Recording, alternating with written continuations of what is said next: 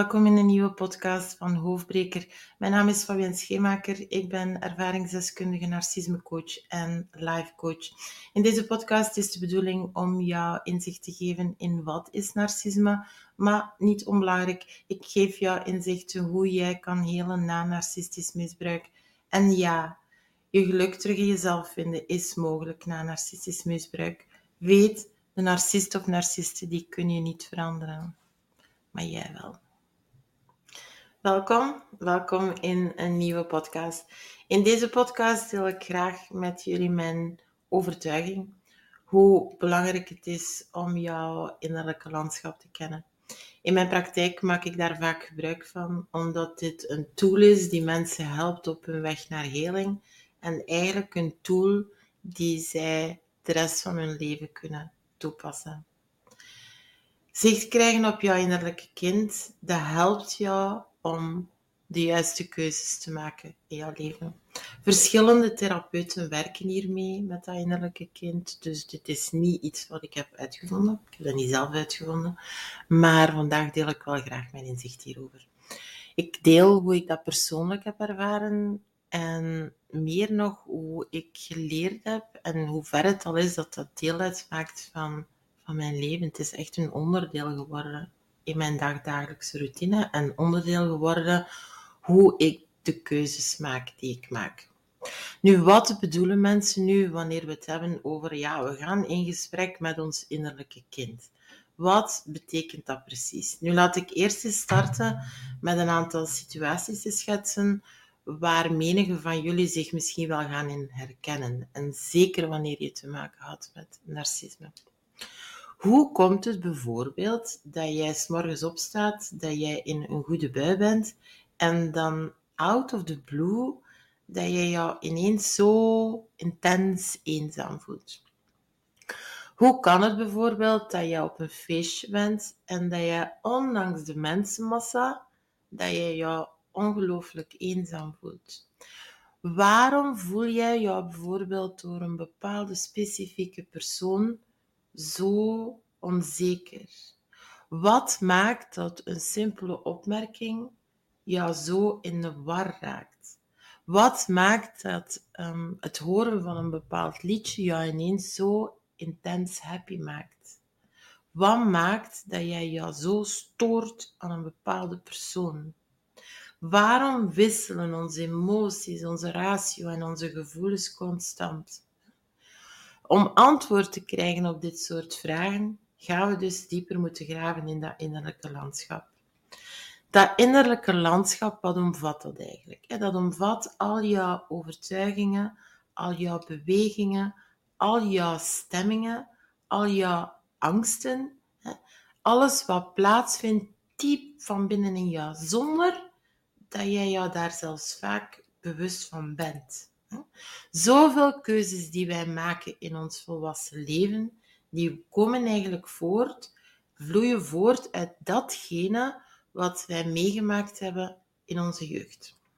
En ik ga je nu even vragen om een boom te visualiseren. Dus je stelt jezelf, je visualiseert jezelf een grote eikenboom. De schors, de takken, de bladeren, dat zijn dingen die we zien. Dat is wat wij van onszelf zien, dat is wat de buitenwereld van jou ziet. Maar buiten ons gezichtveld, diep in de grond, daar zitten eigenlijk de wortels. Die wortels die zitten verankerd. Zonder die wortels kan die boom gewoon niet groeien. Die boom kan gewoon niet leven. Dus die wortels spelen een belangrijke rol. Wel, dit is identiek hetzelfde met onze, wat we wat bedoeld wordt met het innerlijke landschap. Het belang van ons innerlijke landschap is even belangrijk als de wortels van die boom. Ja? Alleen, we bekijken die wortels niet zo vaak. Hè? We kijken naar die bladeren, we kijken naar die takken, we kijken naar de omvang van die boom. Zicht krijgen op jouw innerlijke landschap, dat betekent dat jij dieper gaat graven en effectief die wortels gaat bekijken. Maar waarom is dat dan belangrijk? Waarom is jouw innerlijke landschap onder de loep nemen zo primordiaal om te herstellen na narcisme. Weet dat jouw innerlijke landschap onder de loep nemen jou kan helpen om zowel fysisch als psychisch bij te sturen. Het klinkt misschien gek, maar ervaring leert dus dat deze methode effectief werkt. Ja. Nog een voordeel van in aan de slag te gaan met jouw innerlijke kind is dat je effectief jouw keuzes leert maken in jouw leven. Ja? Goed. Het zorgt ervoor dat jij zelfs op zoek kan gaan naar jouw, jouw normen en jouw waarden. En ik durf zelfs nog een stapje hoger gaan, dat je zelfs de zingeving van jouw leven gaat zien en begrijpen. Kan jij jou dan voorstellen welke mogelijkheden dat, dat biedt wanneer jij in staat bent om jouw eigen keuzes te maken? Maar keuzes bedoel ik dan die echt jouw keuzes zijn. Hè? Dat je in principe jouw leven kan bijsturen. En ik wil daarmee niet zeggen dat je alle narigheid uit jouw leven kan bannen. Hè. Um, je hebt niet altijd alles in de hand, maar wel belangrijk is in te zien dat jouw houding op de dingen in jouw leven, dat je dat wel kan bijsturen. Belangrijk is om te beseffen dat de eerste 10, 12 jaar van jouw leven, hm, dat ontzettend bepalend is voor jouw volwassen leven. De manier waarop jij liefde hebt ervaren tijdens jouw jeugd, dat bepaalt heel sterk hoe jij in jouw volwassen leven liefde ervaart. Patronen zoals bindingsangst, verlatingsangst, die worden daar gevormd.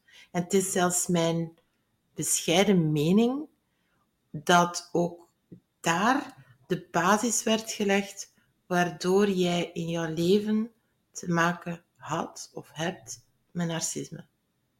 In een andere podcast had ik het al, al eens over, over die primaire socialisatie. Hè? Maar wat, wat bedoel ik daar dus mee? Dat is eigenlijk die eerste lijnsopvoeding. Het gaat hier dus over de normen en de waarden die jou werden meegegeven door jouw ouders of op zijn minst door de mensen die jou hebben opgevoed. Hè? Heb jij nog steeds dat beeld van die grote eikenboom voor je ogen? Wel, net zoals deze boom bestaan de wortels zo ook uit verschillende wortels, hè, verschillende delen. In, wat, in het innerlijke landschap worden de verschillende wortels, dat worden subpersonen genoemd. Heb jij niet alleen zelf gedacht bij het nemen van een beslissing, of heb je al eens, niet, nooit eens zo iemand horen zeggen van, ja, het was zo precies of dat een stemmetje in mijn hoofd aangaf dat het niet oké was. Wel, dat bedoel ik hiermee. Oké, we gaan terug naar de vraag. Wat is ons innerlijke landschap dan precies? Ons innerlijke landschap bestaat dus uit drie delen. Ten eerste hebben we ons innerlijke kind. Dan hebben we een soort mechanisme. Langs de ene kant kunnen het overlevers zijn, het kunnen saboteurs zijn. Ik kom daar zo op terug.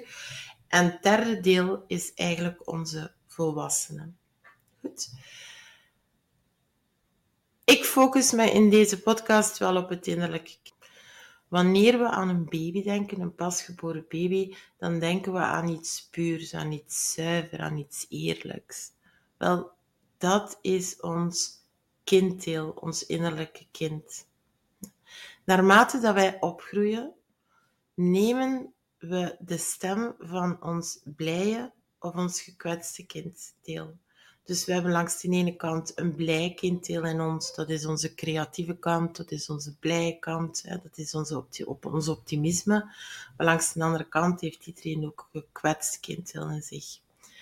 Beide nemen ons mee op onze weg. Herinner je jou nog dat ik in het begin van de podcast zei dat ik jou vroeg hoe het toch kan dat jij zo ineens van extreem verdrietig naar extreem blij gaat of omgekeerd. En dat dat allemaal gebeurt in een fractie van een seconde. Wel, dit heeft te maken met de trigger op dat moment die ofwel jouw blij kinddeel gaat aanspreken, ofwel jouw gekwetste kinddeel aanspreekt. En ik ga het uitleggen aan de hand van een voorbeeld. Hè. Jij zit lekker knus in de zetel, ik ben naar tv aan het kijken. Je hebt het heel gezellig gemaakt met een kaarsje, een wijntje. Je hebt een film uitgekozen. Je hebt echt zin in me-time. En opeens zie jij een passage op tv en in één seconde voel jij jou instant heel eenzaam. De trigger die kan hier zijn dat door het bekijken van deze passage dat jouw eenzaamheid werd aangesproken. Ook al maakte jij het gezellig, diep van binnen voel jij jou eenzaam. Het gevolg hiervan is dat jij onmiddellijk in jouw gekwetste kinddeel gaat zitten. En dat gekwetste kinddeel die zich zo vaak niet gehoord, niet gezien en niet geliefd voelde. Dus wat is dit innerlijke kind dan precies? Als onze volwassene alle beslissingen neemt op basis van onze ervaringen vanuit ons gekwetste kinddeel, dan zit je niet in een gezonde volwassene. Vergeet niet dat de overlevers die jij in het leven hebt geroepen toen jij klein was, om jezelf te behoeden van pijn, dat die overlevers in jouw volwassen leven eigenlijk, waar ze in, in jouw jeugd een overlevingsmechanisme waren, dat zij in jouw volwassen leven saboteurs worden. Hè? Jij handelt vanuit jouw gekwetste kinddeel. Wel, wat ik vaak zie, hè, dat is dat mensen zich er niet van bewust zijn dat zij eigenlijk onbewust leven. Jij als volwassene kan dus leven vanuit jouw kinddeel en is dat erg? Helemaal niet. Zolang dat jij de saboteurs, de vermijders, dat je deze de taak niet laat overnemen. En dat inzicht is ontzettend belangrijk. Ik zal in een andere podcast nog, het nog eens hebben over die overlevers en over die saboteurs, want dat is echt heel belangrijk. Maar om een tipje van de sluier op te lichten, dat zijn dus mechanismes die in het leven werden geroepen, die jij hebt ontwikkeld om met pijn te kunnen omgaan. Stel je nu voor dat wanneer jouw mening, wanneer jij jouw mening zei thuis als kind, dat jij altijd werd genegeerd. Wel, zo kan het dat in jouw volwassen leven dat je iemand bent die het moeilijk heeft om voor zijn of haar mening uit te komen. Jouw overlever tijdens jouw jeugd was zwijgen. Maar die overlever zwijgen is eigenlijk een saboteur geworden in jouw volwassen leven. Wat ik vaak zie bij prooien, dat is dat dat mensen zijn die heel vaak in die people pleaser rol zitten. Niet wetende dat ze eigenlijk vanuit hun gekwetst kinddeel handelen. Waarom please jij iedereen ten koste van jezelf? Was het niet zo dat jij in jouw jeugd altijd moest presteren om jou gezien en geliefd te voelen? Moest jij de beste zijn op school? Moest jij de beste zijn in de sport? Zo kan jij een verlegen persoon zijn in je volwassen leven, maar van waar komt dat dan? Stel, mensen staan daar eigenlijk niet bij stil. Hè? Zo kan jouw verlegenheid de saboteur zijn die jouw gekwetste kind, die bij jouw gekwetste kind heel tot stand kwam, omdat jij pijn ervaarde dat jij er niet toe deed vroeger. Het maakt niet uit wie je was of wat jij deed toen je klein was. Zo kan je als volwassene degene zijn die zich altijd schuldig voelt bij het minste dat er gebeurt. Hier kan op dat moment de overlever kan zijn dat jij vroeger steeds alle schuld op jou nam. In, ik zal maar zeggen, in de naam van de lieve vrede. Hè? Maar dat jouw innerlijke landschap een invloed heeft op jouw volwassen gedrag. Merk je hier hoe jouw gekwetste kinddeel eigenlijk het roer van jouw leven in handen neemt? Merk je hier hoeveel beslissingen dat jij soms bewust, maar vaak onbewust neemt, wanneer je als volwassen jouw gekwetste kinddeel gaat helen, dan kan je als gezonde volwassene beslissingen nemen. In harmonie met hoe dat jij jou echt voelt. Het belang van te luisteren naar jouw kern, te luisteren naar wat dat jij voelt, te luisteren naar welke emoties iets oproept, te luisteren naar jouw, jouw angsten, is de basis om vanuit jouw volwassene beslissingen te kunnen nemen. De eerste stap om in contact te komen met jouw innerlijke kind is inzien en toelaten dat jouw innerlijke kind dat dat wonden heeft. Wanneer jij doorhebt dat jij reageert zoals je reageert omwille van dat gewonde kind, dan zal je van daaruit kunnen anticiperen. Alleen moet je dan wel herkennen dat jouw gevoel vanuit dat kinddeel komt.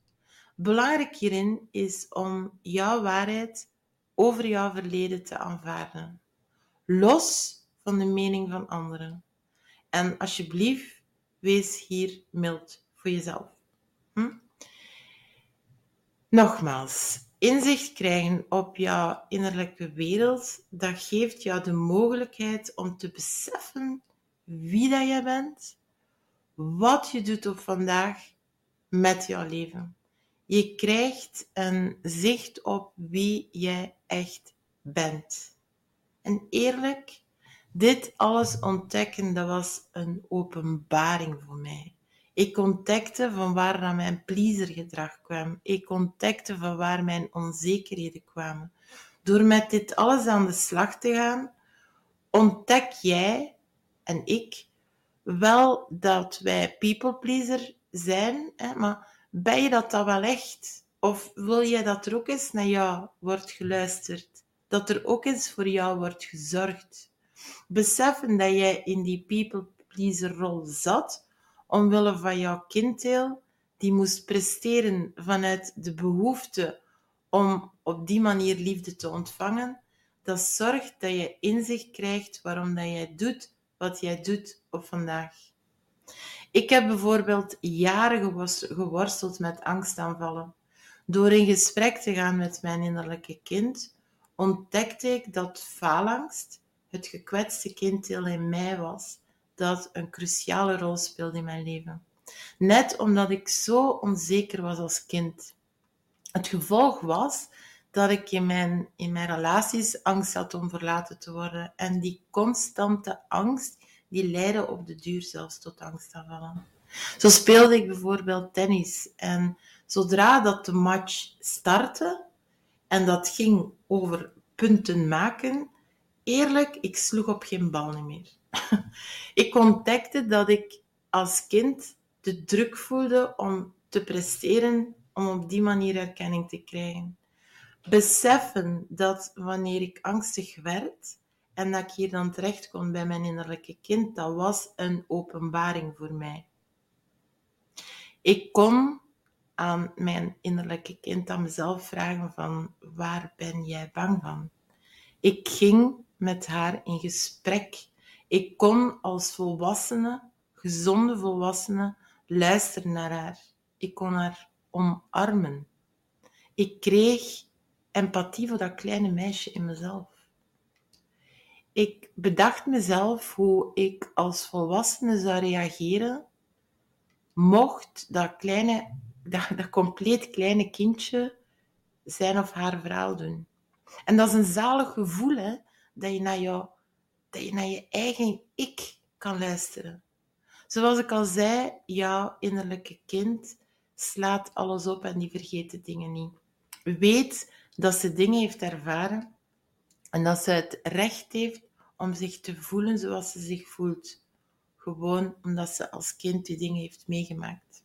Het voordeel van in gesprek te gaan met jouw innerlijke kind is dat je ja, respect krijgt voor wie jij bent. Maar dan bedoel ik echt in jouw kern.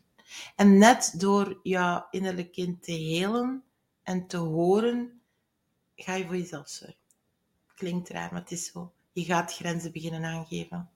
Je gaat doen wat goed is voor jou. Je gaat keuzes maken voor jezelf. En waarom ga je dat doen? Omdat in gesprek gaan met jouw innerlijke kind jou als volwassene zal helpen om stappen in jouw leven te nemen in functie van jou. Jouw rol als prooi, dat was nu net om ja, vooral ten dienste te staan van anderen. Hè? En meestal ten koste van jezelf. Niet luisteren naar jouw innerlijke kind. Zorg ervoor dat je beslissingen neemt die niet vanuit jezelf komen. Maar vanuit die over... Weet je nog wat ik zei? Hè? Eerst zijn het overlevers, maar eigenlijk vanuit die saboteur, vanuit die vermijder. Zorg ervoor dat je leeft hoe een ander verwacht dat jij leeft. Als je niet stilstaat bij hoe jij jou van binnen voelt, dan kan je ook niet delen wat dat je voelt. Hier merk je dus dat de relatie tussen luisteren naar jouw onderbewustzijn en hier liefdevol mee omgaan, hoe, belangrijker, hoe belangrijk dat is. En ja, voor jezelf zorgen, dat betekent dat je effectief wel eens grenzen zal moeten aangeven. En eens je, dat je dat kan, dan zal je merken dat je ook veel rustiger gaat worden. Je gaat je rustiger voelen. Als je weet welke gevolgen van emoties dat dat heeft op jouw lichaam en jouw geest, ja, bon, je kan daar dus echt lichamelijke en psychische klachten van krijgen. Hè. Je bent niet langer afhankelijk en aanhankelijk van iemand anders wanneer je in gesprek gaat met jouw innerlijke kind. Wanneer dat je ontdekt wie dat je bent en dat jij niemand anders nodig hebt om het geluk in jezelf te vinden, dat is een zalig gevoel. In gesprek gaan met jouw innerlijke kind, dat moet ik wel vertellen, dat kan wel oude wonden naar boven brengen. En niet voor niets zeg ik dat je als prooi in deze fase dan door die rauwe rouw gaat. Ga ook niet zomaar met dat innerlijke kind aan de slag. Hè. Laat je hier begeleiden. Begeleiden door mensen die kennis hebben over deze materie. Zoals ik al aangaf, oude pijnen, weggedrukte trauma's, die kunnen aan het licht komen. Trauma's die misschien al jaren werden verdrongen. Tijdens jouw herstelproces ga jij om, te, om te geraken naar jouw blij ei, dan ga je door die fases gaan. En dit is een fase die cruciaal is. Het verwerken en aangaan van oude pijnen en trauma's is nodig om jouw blije ei te worden. Hoe kan het dat je dus van extreem blij naar extreem verdrietig gaat in een, seconde, in een fractie van een seconde? Ik hoop dat deze podcast toch enigszins duidelijkheid bracht. Hoe raak je in contact met jouw innerlijke kind? Wel, ik als mindfulness coach heb mij weggevonden aan de hand om, om daarmee in contact te komen via meditaties. Ik gebruik soms ook de manier van de, van de, van de kleine stoel. Of je kan ook aan de slag gaan met een foto. Wanneer je start in, om in contact te gaan met jouw innerlijke kind, dan is het belangrijk dat jouw gedachten en jouw verhaal, dat je dat neerschrijft. Er zit een groot verschil. Mensen staan daar misschien niet zo vaak bij stil, maar er zit een groot verschil tussen de stemmen in jouw hoofd en de dingen effectief op papier zien staan. Het gaat jou, ik zal zelfs verder gaan, het gaat jou leren om na verloop van tijd om milder te zijn voor jezelf. Zeker in die eerste paar maanden. En na verloop van tijd ga je merken dat je daar een routine gaat in vinden. Je gaat een routine krijgen. Het is echt belangrijk om in het begin daar tijd voor te maken. Bijvoorbeeld elke avond voor het slapen gaan. Elke morgen voor het tanden poetsen. Wanneer ik een emotie of een gevoel voel opkomen, of wanneer dat ik twijfel over een beslissing dat ik moet nemen, dan ga ik al automatisch een gesprek aan met mijn kleine meisje. En dan vraag ik haar van, waar komt die twijfel? Waar ben je bang van? Het vergt oefening, maar eens dat je dat onder de knie hebt, is dat iets wat dat je jouw hele verdere leven zal kunnen toepassen. En wat dat je trouwens gaat helpen om keuzes te maken. Het voordeel is om van geregeld in contact te gaan met je innerlijke kind, is dat jij gaat leven door naar jezelf te luisteren. Zie je innerlijke kind zo als iets van op een afstand en neem zo de helikopterview. Kijk wat dat met jou doet wanneer een kind die jij niet kent dat verhaal zou doen en delen met jou. Hoe zou je daarmee omgaan met dat kind? Het is belangrijk dat jouw innerlijke kind zich gezien en gehoord voelt en geliefd voelt. Als prooi van een narcist werden jouw noden niet gehoord. Door deze dialoog krijg je de kans om jou wel gehoord en geliefd te voelen. En jij als volwassene, gaat op een bepaalde manier empathie verlenen aan jezelf. Dat is het moment dat jij begrip hebt voor de dingen die je hebt doorstaan. En ik bedoel dan echt zonder hierbij in goed of fout te denken, maar wel op een begripvolle, respectvolle manier voor jouw gevoelens. Als jij empathie hebt voor jezelf, dan ga je niet meer tolereren dat iemand zegt dat jij gek bent of dat jij van alles de schuldige bent. Jij hebt het recht te voelen wat jij voelt. Mijn manier om met dat innerlijke kind in, in contact te komen is via die meditaties, maar daar zijn inderdaad meerdere manieren voor. Misschien deel ik dat ook nog wel in een podcast. Voor nu, ik sluit af. Ik hoop dat inzicht krijgen in jouw innerlijke kind. Het kan een beetje moeilijke materie lijken in het begin. Maar een keer dat je dat door hebt, is dat zo een zalige tool die je op weg helpt op de momenten dat je het eventjes niet meer weet. Ik eindig mijn podcast steeds met dezelfde zin. Hè. Ehm, de narcist of narcisten, die kun je niet veranderen. Maar jij wel. Ik eindig mijn podcast altijd met een quote. En de quote is... Even branden.